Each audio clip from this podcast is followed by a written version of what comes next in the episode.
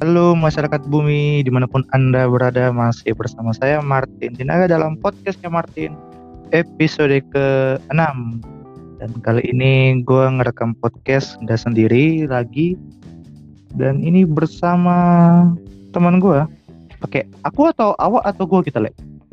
Bebas bebas lek bebas. Kita Aku, awak awak boleh aku boleh. Ambo juga boleh lah beta juga boleh beta beta Oke, ini gue ngerekamnya aku gua aku eh, pokoknya apa pun yang kalian dengarkan lah ya. Gue ngerekamnya pak dan bersama dengan temen gue rekan mantan sepelayanan asik. Sih. Pelayanan jadi teringat lusa lalu ya dosa nggak dosa di masa lalu. Lele, kurang kencengin saya mulai. Dikit lagi. Oke oke Ya, jadi gue kenalin dikit teman gue Roni Parapat orang orang Siantar kali ya sebenarnya. Rantau Parapat ya. Rantau ya. Rat perapat ya Orang nomaden aku tinggal di Bogor tapi sekarang posisi lagi di Bali. Jadi beli-beli. Eh masih di Bali nggak ya? masih masih masih. Gimana Jan Le? Di Bali Le? Aman. Di Bali gimana ya? Aman sih. Kalau dari ini apa orang-orangnya juga masih pada keluar cuman ya lebih ini aja sih mereka. Kayaknya emang udah pada lebih ta- apa namanya taat sendiri gitu aja gitu. Lebih taat. Maksudnya gimana tuh? ya mereka kayak ini kan aku ada teman-teman lah ya komunitas gitu kan anak-anak Milan anak-anak apa gitu. Kalau dia diajakin futsal apa mereka udah nggak mau gitu. Jadi Kalau emang udah Udah nggak mau lagi pada kutsalan gitu ya? nongkrong apa emang udah ya udahlah di rumah aja gitu ng- ikutin anjuran aja. Hmm, hmm, hmm. emang biasa lu futsalan kalau gitu? Kalau ini? Rut, gara-gara rutin biasanya. Biasanya sekali seminggu lah karena gara-gara corona ini jadi social distancing semua ya, physical distancing ya. Mm, Tapi di sana, udah tapi di sana itu udah berlaku jam malam nggak? Belum ya PSBB belum ya sana? ya? PSBB belum tapi jam malam udah Le. Jam malam udah. Itu gimana tuh? jadi maks- maksimal tuh jam 9 udah nggak ada aktivitas lagi sih yang jualan Hmm. udah harus tutup Hmm. yang keluar juga keluar sih masih bisa nih tapi udah ada pecalang yang nanyain gitu lah pecalang itu ini ya kayak Polisi, polisi ada adat gitu ya. Ah, ah. iya itu yang pas nyepi biasanya. Pecalang. Jadi Kemudian mereka patroli lah malam terus pas kalau misalnya barbarnya tuh gimana? Pap, pap, Kalau karaoke bar- gitu. Itu masih Kalau- di daerah Kuta tuh. udah sama sekali tutup sih itu. Aku terakhir ke sana ya? terakhir lewat itu awal Maret kalau nggak salah tuh. Itu udah Anjir, sepi. Udah lama banget cuy. itu. Eh, tapi nggak bisa nggak bayangin sih Bali sepi cuy. Bali tuh tengah malam daerah Kuta tuh rame loh. Iya tapi aku terakhir lewat nggak lewat Kuta sih ya. Cuman udah de deket Kuta itu dua minggu yang lalu tuh lewat Legian ya. itu udah iya tapi nggak nyampe di legian ya cuman agak di luarnya lah deket bandara kita tuh kemarin tuh kan Hmm, hmm, itu udah sepi banget lah malam jam padahal masih jam 8 gitu hmm. Jadi si Roni ini lagi kerja ya di Bali. Kerja, lu kerja di gimana le? Pura-pura gue nggak Ya. tahu aja. yang, yang dengar Fir. kuli kuli le kulinya PLN Kuli. Kulinya PLN. Eh, proyek kan masih jalan sih gara-gara corona. masih kalau proyek kan makanya ya itulah nggak ada WFH Oh lah masih ya? iya Anjir berarti kuli-kulinya tuh gimana sih? Bukan kuli lah ya, pekerja-pekerjanya tuh, pekerja kasarnya, buruh-buruhnya gimana? tetap kerja juga jadi mereka tuh cuman emang kami batasin lah maksimal sampai jam 5 aja nggak nggak usah lembur-lembur gitu kan Oh biasanya sampai tengah malam gitu ya? biasa sampai jam 10 jam 11 gitu kan kejar target mereka kan Oh, makin cepat berarti mereka makin cepat pulang gitu kan lu proyekannya sekarang di mana? Kalau ini lagi di daerah kapal nih, di deket Mengwi, terminal tuh, terminal Bali. Mengwi, Mengwi, Denpasar ya? Mm-mm. Tapi Dekat Denpasar. udah masuk Badung sih, udah masuk Badung deh. Oh. Kok yang Badung tuh? Iya, Badung nakal, Wak.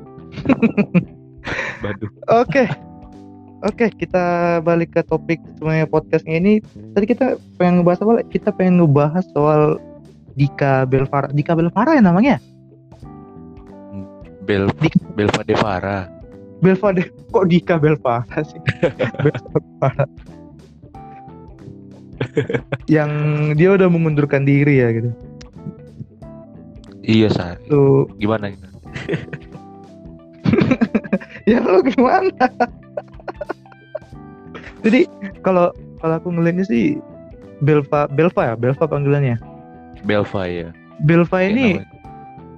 apa ya bisa dibilang korban kerasnya netizen ya bisa jadi sih. Bahkan sampai dia mengundurkan diri aja masih ada yang nyinyir masih gitu. banyak yang ngujat tuh ya iya Iya. cuy itu parah sih tapi ada juga yang bilang dia emang ya lu enak lu keluar eh, lu udah dapat proyek kan ya jadi lu keluar udah ada proyek ya tinggal lu ngelanjutin gitu kan padahal belum tentu juga gitu ya ini siapa sih yang tahu kedalaman hati seseorang ya Gila Betul, parah sih betul. netizen tuh Kita apa ya netizen memang udah terbiasa negatif thinking kali.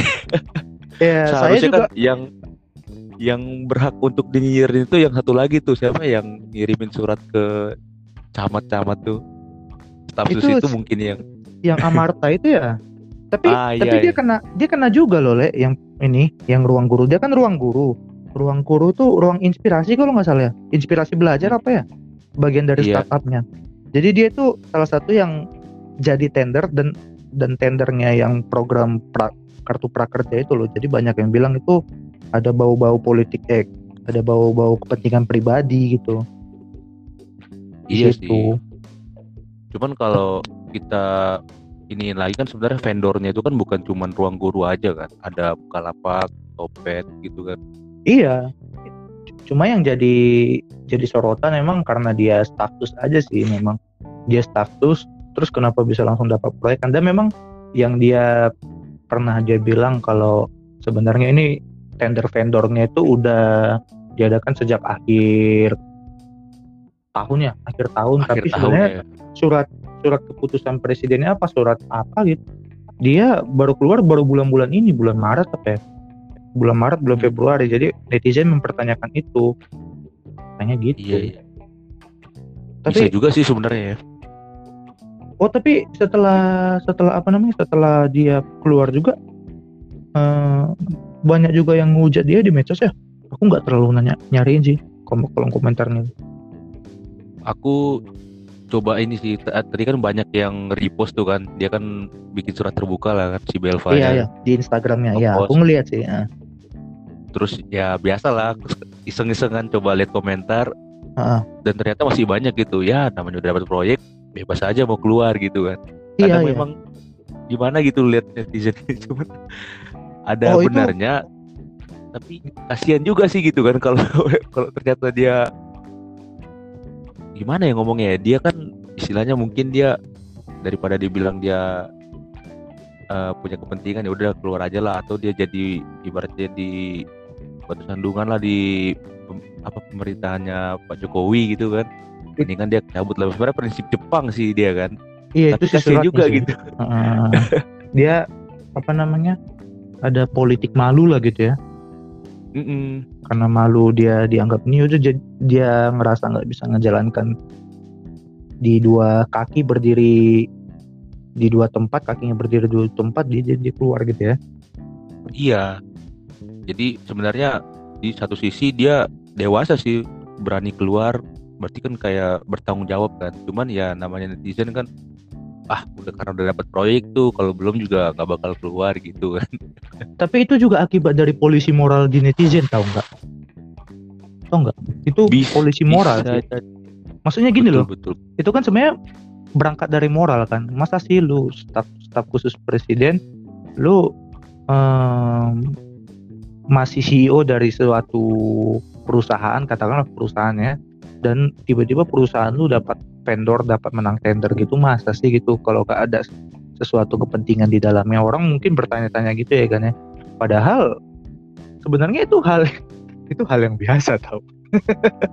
Nggak harusnya sih. Hal yang biasa Iya, cuy iya. maksudnya itu sering tuh kayak eh kayak yang menang fan oke oke memang kalau kalau misalnya kayak di PNS ya yang di PNS itu nggak dia PNS tuh nggak bisa sebenarnya nggak punya usaha nggak boleh punya usaha tapi ada ada, ada undang-undangnya itu le. Ada undang-undangnya ada undang-undangnya tapi kadang beberapa mereka pakai aduh ini eksplisit sih kontennya tapi ya faktanya faktanya di lapangan beberapa ada kok yang dia pakai nama istrinya nama saudaranya demi bisa bikin PT tuh itu fakta yang nyata loh di lapangan loh. Apa mereka nggak tahu ya kalau misalnya kenyataan itu ada ya? Hmm, kok nggak tahu ya? Harusnya sih aku tahu sih pernah dengar gitu. Cuman kalau untuk istri ada juga itu le emang maksudnya ada ketentuan juga kalau misalnya istri nggak boleh atas nama istri nggak boleh usaha gitu. Kan bukan si PNS-nya gitu yang iya iya. usaha. Tapi tapi itu kayak ibarat secara tertulis aja tapi secara kenyataan dia yang ngurus. Hmm iya iya sebenarnya itu ya itu memang moralitas sih. Memang kalau di dalam dunia birokrasi kayak gitu eh, kepentingan politik kepentingan apa istilahnya? Pokoknya yang melibatkan kepentingan pribadi itu kayak mencampur adukan segala kepentingan pribadi itu emang sebenarnya nggak boleh harusnya. Itu Iya, betul, moralitas betul. sih sebenarnya. Terus ada yang bilang lagi kan lu lu kenapa staf jadi staf khusus presiden? Kenapa lu nggak keluar atau mundur dari CEO sementara udah ada penjelasannya kalau dari presiden Jokowi nggak ngebilang dia harus keluar dari jabatannya kan Iya iya iya. Tergantung ke orangnya masing-masing. Jadi teringat ini sih Le, kayak ini Mas Menteri, Mas Menteri. Nadim tuh dia Nadiem langsung Makarim. keluar kan ya dari Gojek ya. Iya. Ah, Ketika dia dipanggil tuh langsung keluar dia kan dari Gojek ya. iya iya tapi tapi kalau memang diakui memang moralitasnya bagus sih gitu jadi dia nggak nggak Iya. nggak nginjak di dua tempat juga sebenarnya netizen ada benernya juga cuma kayak seolah-olah Iya, tapi- menyalahkan si Belvangnya nggak bener juga sih kayak ngebilang "Eh, apa sih emang programmu itu apa sih bikin ini kenapa nggak gratisan aja apa segala macam di YouTube di YouTube bisa dapat gratisan loh sebenarnya di YouTube tuh nggak gratis bro. ya nggak sih Iya iya. iklan itu Benar-benar. kita menontonnya mungkin ada muncul iklan tuh sebenarnya iklan tuh muncul tuh nggak gratis loh. Iya. Masa- Kita bayar tapi dengan menonton iklan gitu ya. iya. Masa masa mereka mau menuntut hal yang sama ketika pemerintah mengeluarkan prakerja terus ada vendor yang ngerjain itu gratis? Masa sih? Nggak masuk akal sih menurutku. Makanya kalau kalau mereka alibi mereka kayak kan 5 triliun ya dananya Hmm. ah, 5 5,6 triliun kalau nggak salah. Terus dibilang ya enak udah dapat 5 triliun program. Lah vendornya kan bukan cuma ruang guru. 5 triliun kan bukan cuma dia yang dapat. Dan 5 triliun tuh bukan cuma dibikin ke ini kali bukan cuma dibikin ke bikin videonya itu kali. Iya. Dan itu kan juga semuanya balik lagi ke netizen gitu. Mau pakai vendor yang mana kan sebenarnya kan? Ah kok netizen? Iya iya dong. Yang prakerja ini kan rata-rata netizen ini kan prakerja ya wah kaum kaum deadwood ya? Wah. Jadi kan memang ya terserah mereka mau pakai yang ada berapa sih vendornya? Mau pakai Bukalapak lah mau pakai ruang guru lah itu kan nggak harus dipaksakan kecuali Tapi- tadi tuh vendornya cuma ruang guru. Nah baru mereka mungkin bisa ngomong kayak gitu kan. Tapi tapi kalau memang misalnya memang kebetulan eh memang faktanya kenyataannya kalau eh, sistem seleksi vendornya nggak benar sistem seleksi vendornya nggak nggak benar itu memang harus harus ada di iniin sih. Harus tegas sih sebenarnya. Kalau memang ternyata hasil penyelidikan ternyata kenyataannya kayak gitu ya. Cuman kan ini kan masih di dalam taraf abu-abu gitu loh. Ketika masih abu-abu kok langsung netizen dengan secara ininya langsung menghukum gitu ya. Yang jadi yang jadi yang jadi kupikiran gini sih. Ke depannya gimana kalau misalnya ada milenial-milenial gitu lah atau anak-anak muda yang ditawarin lagi kayak gitu, mereka pasti takut nggak sih? ditawarin jadi birokrat gitu maksudnya jadi Ditaw- ditawarin iya. Itu kan bisa dibilang dia birokrat nggak sih staf khusus presiden? Iyalah bisa. Harus harus diakui kalau lu tahu ya staf ahli staf khusus itu eh setaranya ada dengan eselonnya setara loh. Setara tapi nggak sama ya. Iya iya makanya ketika ketika yang founder si orang orang Papua itu si Billy tuh Hmm. yang dia ngebilang setara dengan wing westnya di Amerika kau tahu nggak wing west di Amerika nggak nggak tahu itu ibarat memang kayak staf ahlinya, staf ahlinya di sana iya, sih. Dan setara dengan eselon 1B, sebenarnya nggak ada yang salah juga sih dengan itu. iya harusnya sih gitu Iya nggak sih? Ini memang bener setara nggak sih? Gimana gimana menurutmu? ya menur- menurutku gi- gimana ya ya betul sih memang setara cuman gimana itu kan memang udah haknya presiden juga gitu kan untuk mengangkat itu kan gitu Yang yang jadi ininya sih, yang jadi pertanyaan netizen. Lu bener nggak berkontribusi untuk bangsa? Kenapa sih harus dipamer-pamer ini apa segala macem? Kenapa sih lu harus bikin di biomu gini-gini segala macem? Lu cuma ngejar CV doang ya katanya. Itu komentar netizen sih. ya memang eh memang sih memang sih beberapa waktu yang lalu eh aku ada baca opini Jen juga kalau lu ngedengar ya kalau lu ngedengar yang soal relativisme itu yang pengaruh membawa pengaruh di medsos berdasarkan dia ngebikin aktivitas sosial apa segala macam atau dengan dalih atas bangsa dan nama dan negara bangsa dan negara padahal sebenarnya dia untuk kepentingan pribadi itu ada juga sih sebenarnya. Hmm, yang netizen takutkan itu kayak gitu kayak ah lu lu dalih doang lu atas nama bangsa dan negara. Padahal lu sebenarnya pengen punya memenuhi memenuhi CV doang. Iya. Iya kepentingan doang gitu ya Sebenarnya ada ada ada udang di balik batu lah gitu ya Heeh. cuma gimana ya Le ya kalau menurut nggak tahu ya kalau menurutmu gimana ya kalau menurutku ya komen-komen netizen tuh perlu juga nggak sih untuk sebagai check and balance oposisi itu akan selalu perlu nggak sih kalau oposisi itu menurutku memang harus selalu perlu sih dan memang harus selalu ada Ha-ha. gitu. Ja- Ha-ha. Jadi itu juga yang ya, akhirnya membuat orang gimana ya untuk mengoreksi apakah memang yang dikerjakan orang itu sudah benar atau enggak gitu. Heeh.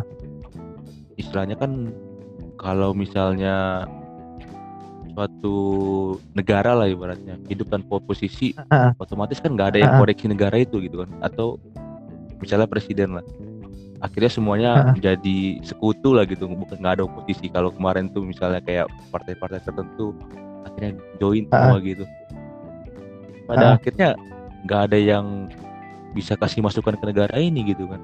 Bahkan harusnya pun ketika partai itu eh, menjadi masuk ke dalam koalisi partai itu tetap harus bisa jadi posisi gitu. Ngekritik gitu ya? Iya.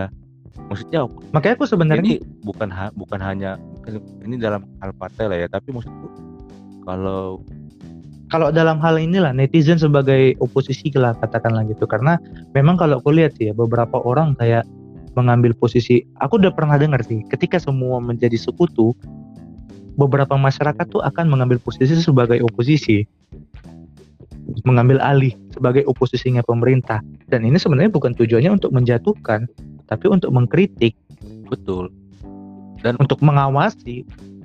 Dan menurutku ya netizen netizen itu oposisi yang mem- memang gimana ya oposisi yang murni sih menurutku bukan oposisi yang aku dalam tanda kutip di sini ada memang oposisi yang dia memang karena bencinya gitu dengan si lawannya ini akhirnya Iya sih, dia iya bertahan oposisi gitu.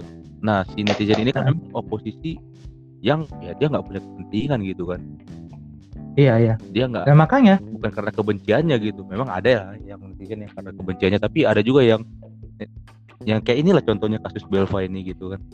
Ah. Ada netizen yang tiba-tiba ah lu gara-gara sebenarnya ini gitu, akhirnya dia jadi oposisi ah. gitu. Karena itu otomatis Ah, dia, dia jadi pengkritik lah gitu kan.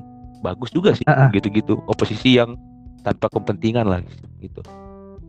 Berarti berarti kalau menurutmu milenial milenial yang kayak Belva ini memang nggak cocok untuk hidup di birokrasi.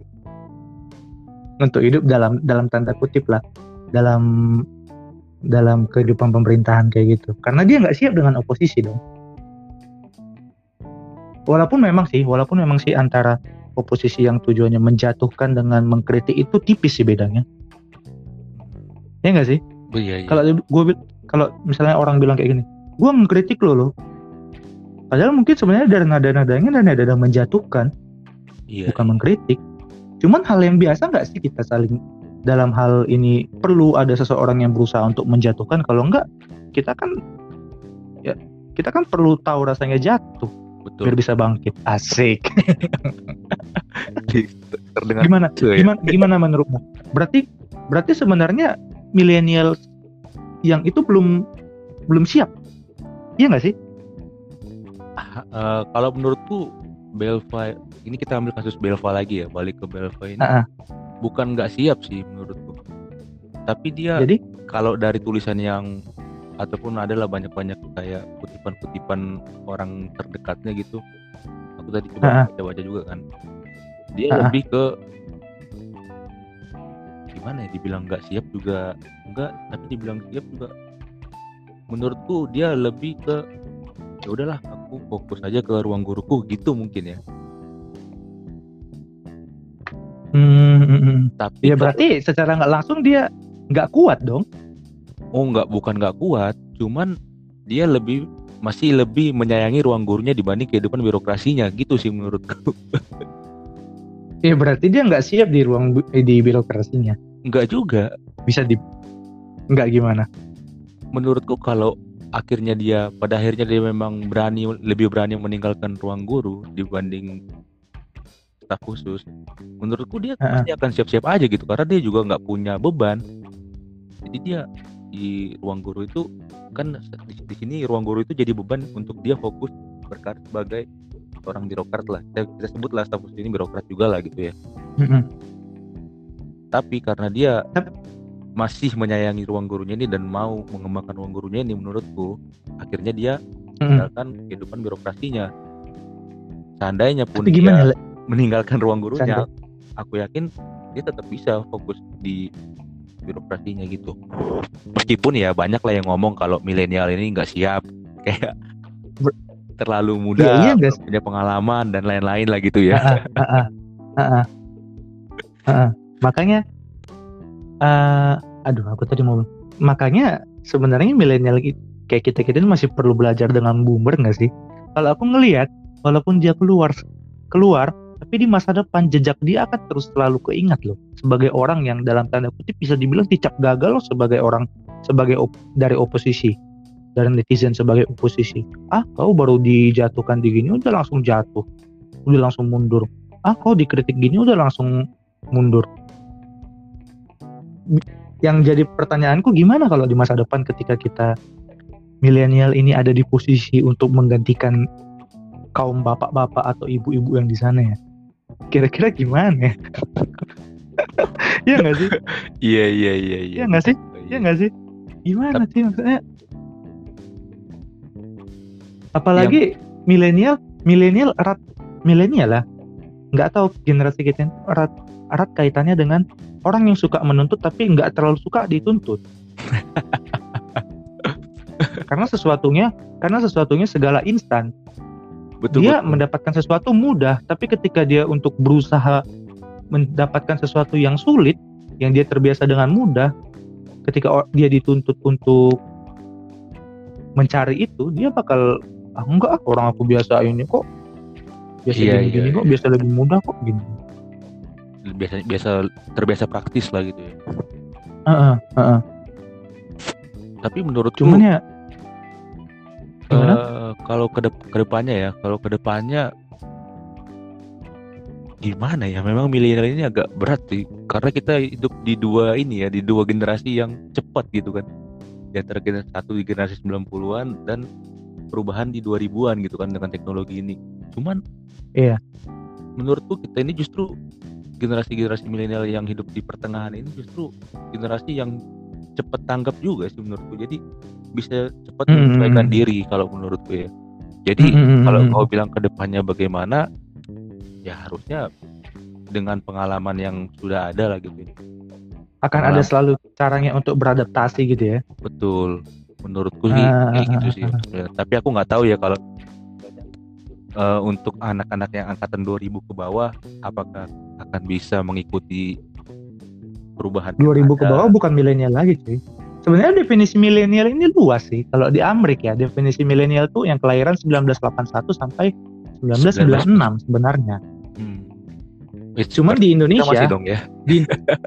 iya, sebenarnya di Indonesia diharafiahkan atau di ini kan sampai yang kelahiran 90-an termasuk yang 99 masih dianggap milenial iya. uh, di Indonesia kalau aku lihat kecenderungannya. Mak ya gitu. Yang yang sebenarnya perlu ini sebenarnya kita milenial ini ya. Aku agak kurang ya bisa dibilang kadang kesel tapi kadang kurang serak dengan boomer. Makanya ada terminologi oke boomer, oke boomer gitu kan. Memang boomer ini wadah-wadah sih. tapi harus diakui pengalaman mereka itu banyak loh. Dan pengalaman tuh bisa dibilang susah untuk bohong lah. Ya nggak sih? Hmm, betul betul. Termasuk dalam termasuk kalau lu kalau lu main Twitter ada P- eh, akun PNS Ababil gitu bilang kan. Ini nih yang yang tender nggak nggak nggak belajar dengan boomer sih jadi boomer tahu tuh gimana cara nyikapinya ya jangan pakai nama sendiri betul betul. Saking mungkin polos lah ya bisa dibilang ya. iya terlalu polos kali atau gimana kayak yang Amarta itu juga itu itu emang ini sih memang memang ya aku senang sih dengan netizen ada yang berani komen apa segala macam sebagai oposisi itu perlu sih walaupun kadang memang berlebihan sih ya Iya. sampai hanya menjatuhkan cuma ya kita memang perlu belajar juga sih perlu kalau yang kuba, pernah ku baca ya Hmm. kita itu kalau ibarat gelas kita tuh kita itu kadang ngerasa gelas kita itu udah penuh padahal sebenarnya gelas kita tuh kecil kalau dibandingkan dengan gelas orang lain. Misal kayak gelas orang lain tuh eh gelas kita isinya satu liter penuh. Tapi gelas orang lain isinya 10 liter misalnya gitu. Gelas apa isinya 10 liter? Pokoknya gitu ya. Isinya gelas 10 liter tapi dia cuma 2 liter isinya. Tapi kalau seolah-olah kita lihat kan yang yang penuh kan gelas 1 liter tapi secara volume Iya. lebih banyak gelas yang isi 10 liter kan? Betul betul. itu sih yang itu sih yang perlu kita sebagai milenial ini ke depannya nggak tahu sih nggak harus di birokrat sih ya. Suatu saat jadi pemimpin apakah dari ini kah? Ya berusaha untuk mengosongkan gelas itulah atau berusaha untuk memiliki persepsi atau memiliki mindset gelas gue ini besar loh. Ketika terisi 3 liter itu sebenarnya 3 liter dari 10 liter masih ada 7 liter lagi yang perlu kuisi gitu loh Iya, dan iya. ngisinya banyak dari mana bisa belajar dari boomer bisa belajar dari ini bisa belajar dari sesama bisa belajar dari kesalahan orang lain gitu ya betul betul. gimana Jadi- gimana menurutmu Jangan pernah intinya tuh jangan pernah merasa gelas kita penuh gitu ya. iya iya kadang selalu tuh meli- selalu merasalah selalu kapasitas gelas kita itu masih kurang gitu. Jadi kita harus Iya, isi iya, gitu. Tep- Berarti Iya. Aku jadi terikat ini sih nggak ini out of, to- out of topic lah ya. gimana tuh gimana tuh Learn unlearn gitu ya. Kok mesti ingat itu learn unlearn. Siapa? Learn unlearn. Yang learn RK unlearn iya, RK berapa tuh yang kita udah penuh harus diisi gitu. harus oh dibuang oh lagi. oh oh oh oh oh oh, oh. Topik lah ya. iya iya ya ya itu mirip lah ya mencoba belajar untuk jadi nggak di nggak pernah dipelajari learn unlearn belajar nggak pernah belajar. Ngerti nggak sih? Belajar seolah-olah itu nggak pernah belajar sebelumnya. Jadi kayak seolah-olah gelas kita tuh nggak pernah penuh. Penuh iya. Ataupun Ah, kalau dan- emang kita penuh ya kita isi lagi gitu. Ataupun ketika penuh kita cari gelas lain yang lebih besar lagi ya nggak sih? Nggak harus Iya, lo buang iya. juga sih. Yang Hmm. kadang ini sih karena nggak tahu ya kalau aku lihat ya milenial ini kenapa eh, kesannya kayak ngerasa gelasnya penuh karena informasi itu semua kita termasuk generasi yang sangat mudah untuk mengakses informasi ya nggak sih? Iya iya iya. Dan betul. ketika kita ngerasa kita yang mengakses informasi seolah-olah kita adalah pusat dari informasi itu padahal sebenarnya enggak enggak tahu. Hmm, memang iya. keakuan dari milenial ini tinggi nggak sih? Kenapa? keakuan keakuan dari Oh. milenial ini tinggi gak sih? Oh, kayak kadang kok kok kok sadar nggak? Kayak aku ngelakuin ini untuk aku.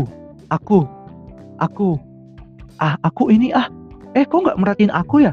Kau ini ini aku ya gitu. Keakuan Hmm. kita ini tinggi nggak sih? Me pride berarti ya me pride. iya.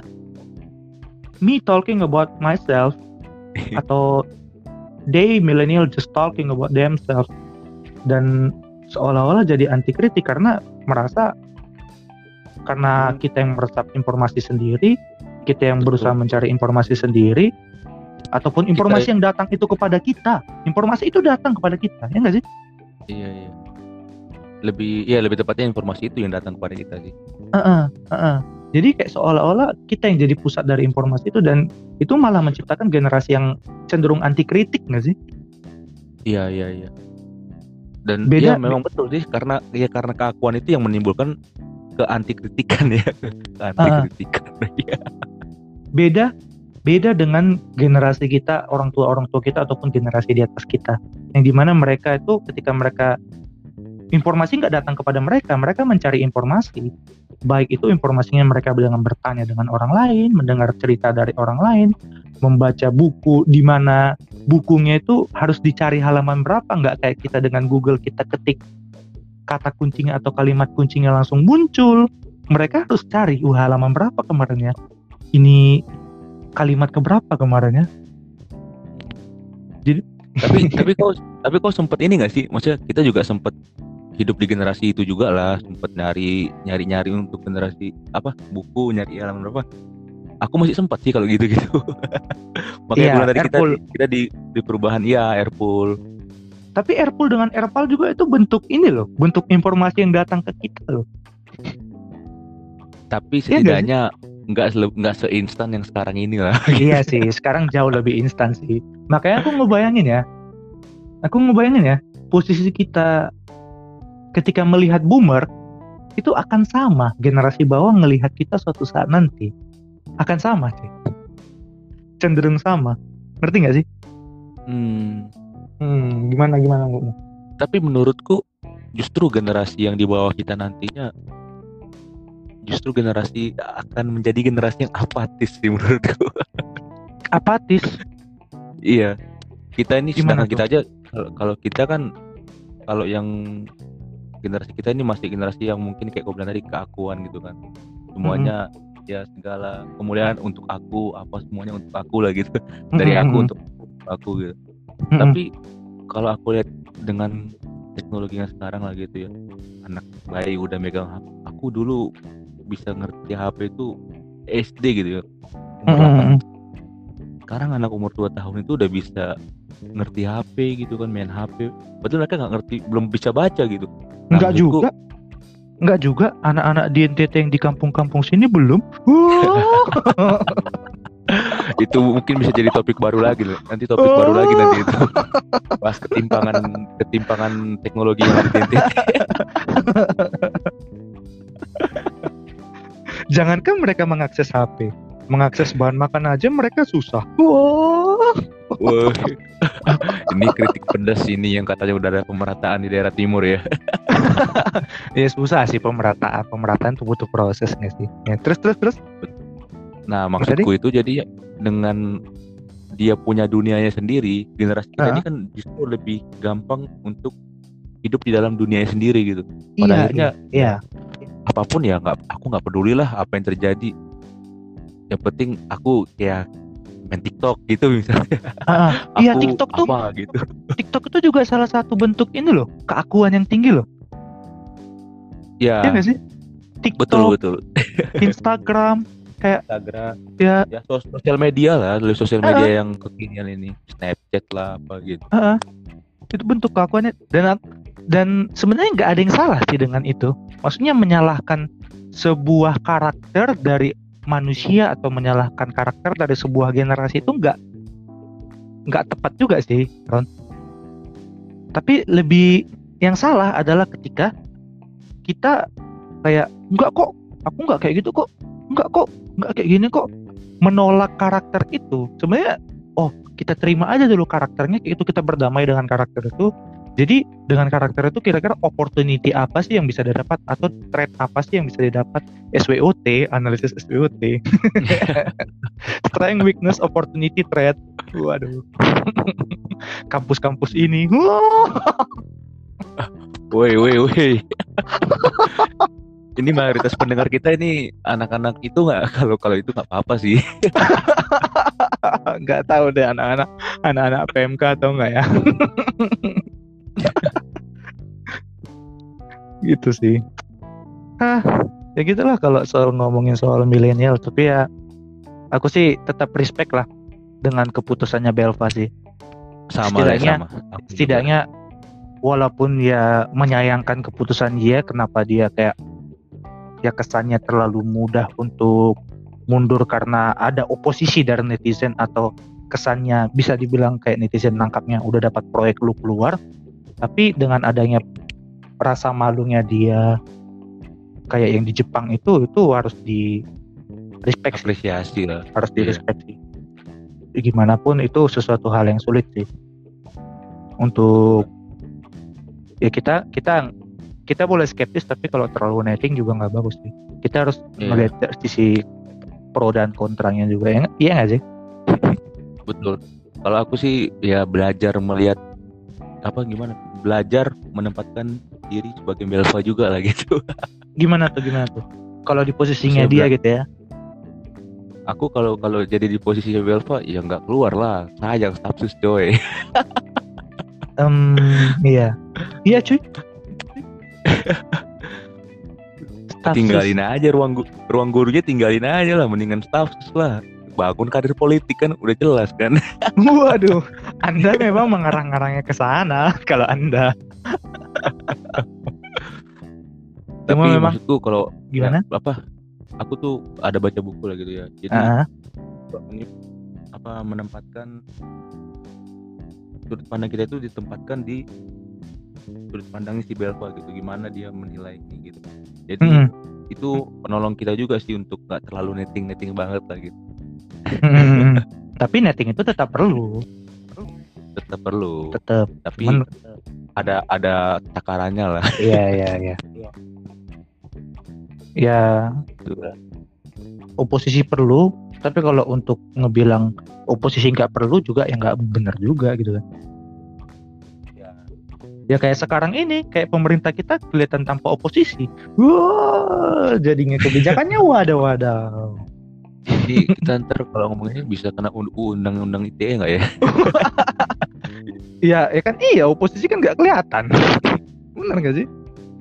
iya bahkan ya Mudah-mudahan, mudah-mudahan buzzer mudah-mudahan merajalela ya Ya itu buzzer teknik dari pemerintah lah, atau bukan pemerintah sih? Ya teknik dari orang-orang yang menggunakan buzzer itu gimana lah? Pasti ada strateginya mereka kan.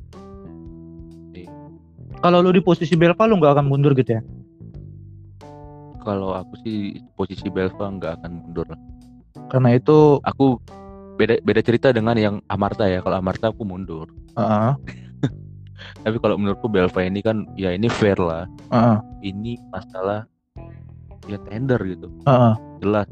Uh, uh, bukan ya mungkin masalah keterlambatan pengumuman atau apa itu kan masalah pemerintah gitu. Tapi ya ini fair. Mm, ini tender bukan karena saya status gitu mm. dan ini udah yang kayak kuliah tadi udah mulai da- ada dari akhir tahun gitu ya itu klaimnya Belva Iya. sih. ya memang akhir tahun Belva juga udah jadi status sih cuman menurutku dengan atau tidak adanya eh tidak ditempatkannya Belva di status kan dia tetap juga ruang guru akan maju kan gitu maksudnya Hmm. tetap akan masuk dalam tender itu gitu Mm-mm. Jadi aku tetap bertahan sih kalau jadi Del jadi Belva ya Iya, Ah, sayang sih menurutku. Justru dia tuh kan ya mau bilang dia itu ada tuh komennya netizen mau bilang dia seraka ya enggak Mhm. juga. Tapi mau bilang dia bego dia pinter gitu. Mm. ya pinter ruang guru gitu. Tapi jadi memang ya. Jadi jadi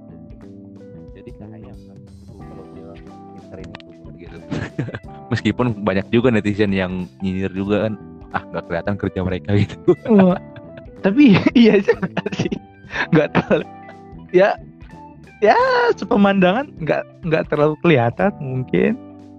Hmm, Eh, mungkin tapi mungkin bisa jadi ada teori sosiologinya kita akan lebih cenderung tertarik kepada sesuatu yang negatif daripada hal yang positif. Mungkin mereka melakukan hal positif tapi hal positif itu nggak terlalu menarik buat yang lain sekali nggak ada negatif langsung boom booming. Hmm begitulah. Ya itulah kira-kira ya. Jadi lu eh, rencana ke depan gimana? Rencana ke depan gimana nih? Apanya nih? berarti lu nggak bisa balik dong dari Bali nih. Ini barusan 24 katanya mulai diperlakukan ini ya, nggak boleh mudik ya. iya cuy udah kena ada ini hukumannya Oh iya, iya sampai segitunya. iya Perpres atau mau keluarkan undang-undang ya jadi bukan cuma termasuk mudik gak ya? ya mudik dong Kan kerja ini, ini kan bukan kerjain dalam aduh. Ya udahlah, nggak apa-apa lah di Bali nih. ya iya makanya ya ampun memang corona bangsat eh, ini sensor hati-hati gitu. nggak apa-apa aku bilang bangsat bangsat bangsat kenapa ruangnya ya bisa sih diedit nanti. Kalau kalau kalau kalau nggak mager. Oke jadi kesimpulannya ini apa nih? Kalau kita berkacanya dari Belva nih. Kalau dari lu lah Kalau dariku kesimpulannya tender is fair. tender is fair anak tender banget memang anak teknik anak teknik L- LPSE mania Nah, kesimpulannya kesimpulannya apa ya? Aku nggak terlalu pintar membuat kesimpulan sih. Kalau menurutku sih kesimpulannya ya jadilah milenial yang baik. siap siap. Ya kalau kalau dari aku sih kesimpulannya ya ya untuk jadi seorang milenial untuk bekerja di kehidupan birokrat ataupun kehidupan pemerintahan sekarang ini emang susah sih. Dan dengan adanya netizen itu sebenarnya antara pro dan kontra kebu- keperlu eh, sebenarnya netizen sebagai oposisi itu diperlukan. Tapi kalau terlalu berlebihan sampai menyerang eh, hal yang terlalu di luar konteks ya. juga itu nggak benar sih gitu loh dan ya kalau aku bilang aku respect sekaligus em, kecewa bisa dibilang kayak eh gimana pun aku dalam hatiku ya mengandalkan oh ada nih eh, staf khusus yang meng- mewakili gue sebagai orang mil- milenial ataupun beberapa orang sana di milenial udah berkurang satu gitu. Ya walaupun sebenarnya sampai sekarang nggak terlalu kelihatan mungkin kali ya dari sudut pandangnya kita mereka kerja apa sih? Mereka digaji apa segala macam untuk apa sih gitu? Ya aku harapannya sih kita milenial ke depannya ya perlu belajar juga lah dari boomer apa segala macam. Tentang hal kayak gitu tentang moral etika dalam hal pemerintahan itu perlu juga sih. Jadi kesannya biar nggak bilang aku berjuang demi bangsa dan negara tapi nggak belajar anti kritik gitu loh. Iya, iya. jangan sampai kayak gitu sih. Dan aku yakin orang-orang di sana masih orang yang berjiwa besar lah. Aku masih punya keyakinan itu orang-orang yang staf khusus sana berjiwa besar lah. Karena pada dasarnya mereka Iya. Punya sesuatu makanya mereka digait direkrutnya enggak sih? Betul, Gitu. absolutely agree. wah nggak absolut juga lah. Tidak ada kebenaran absolut di dunia ini. Oke lah kalau gitu. Sekianlah podcast dari kita. Ya untuk teman-teman yang ngedengerin semoga dapat sesuatu insight baru dari kita. Oh baru ini gue ngomong insight dari podcast gue biasanya gue ngomong-ngomong gitu. Oke sekian podcast dari kali ini. Roni ada tambahan Iron Roni Connecting, connecting nih, connecting. Connecting. Roni ada tambahan Gimana gimana? ada tambahan Baru tambahan pas lah pas. salam-salam buat siapa emang kayak banyak aja oke Ya deh salam-salam buat boru-boru-boru di luar sana yang mungkin belum bisa beruntung mendapatkan hatiku lah gitu aja.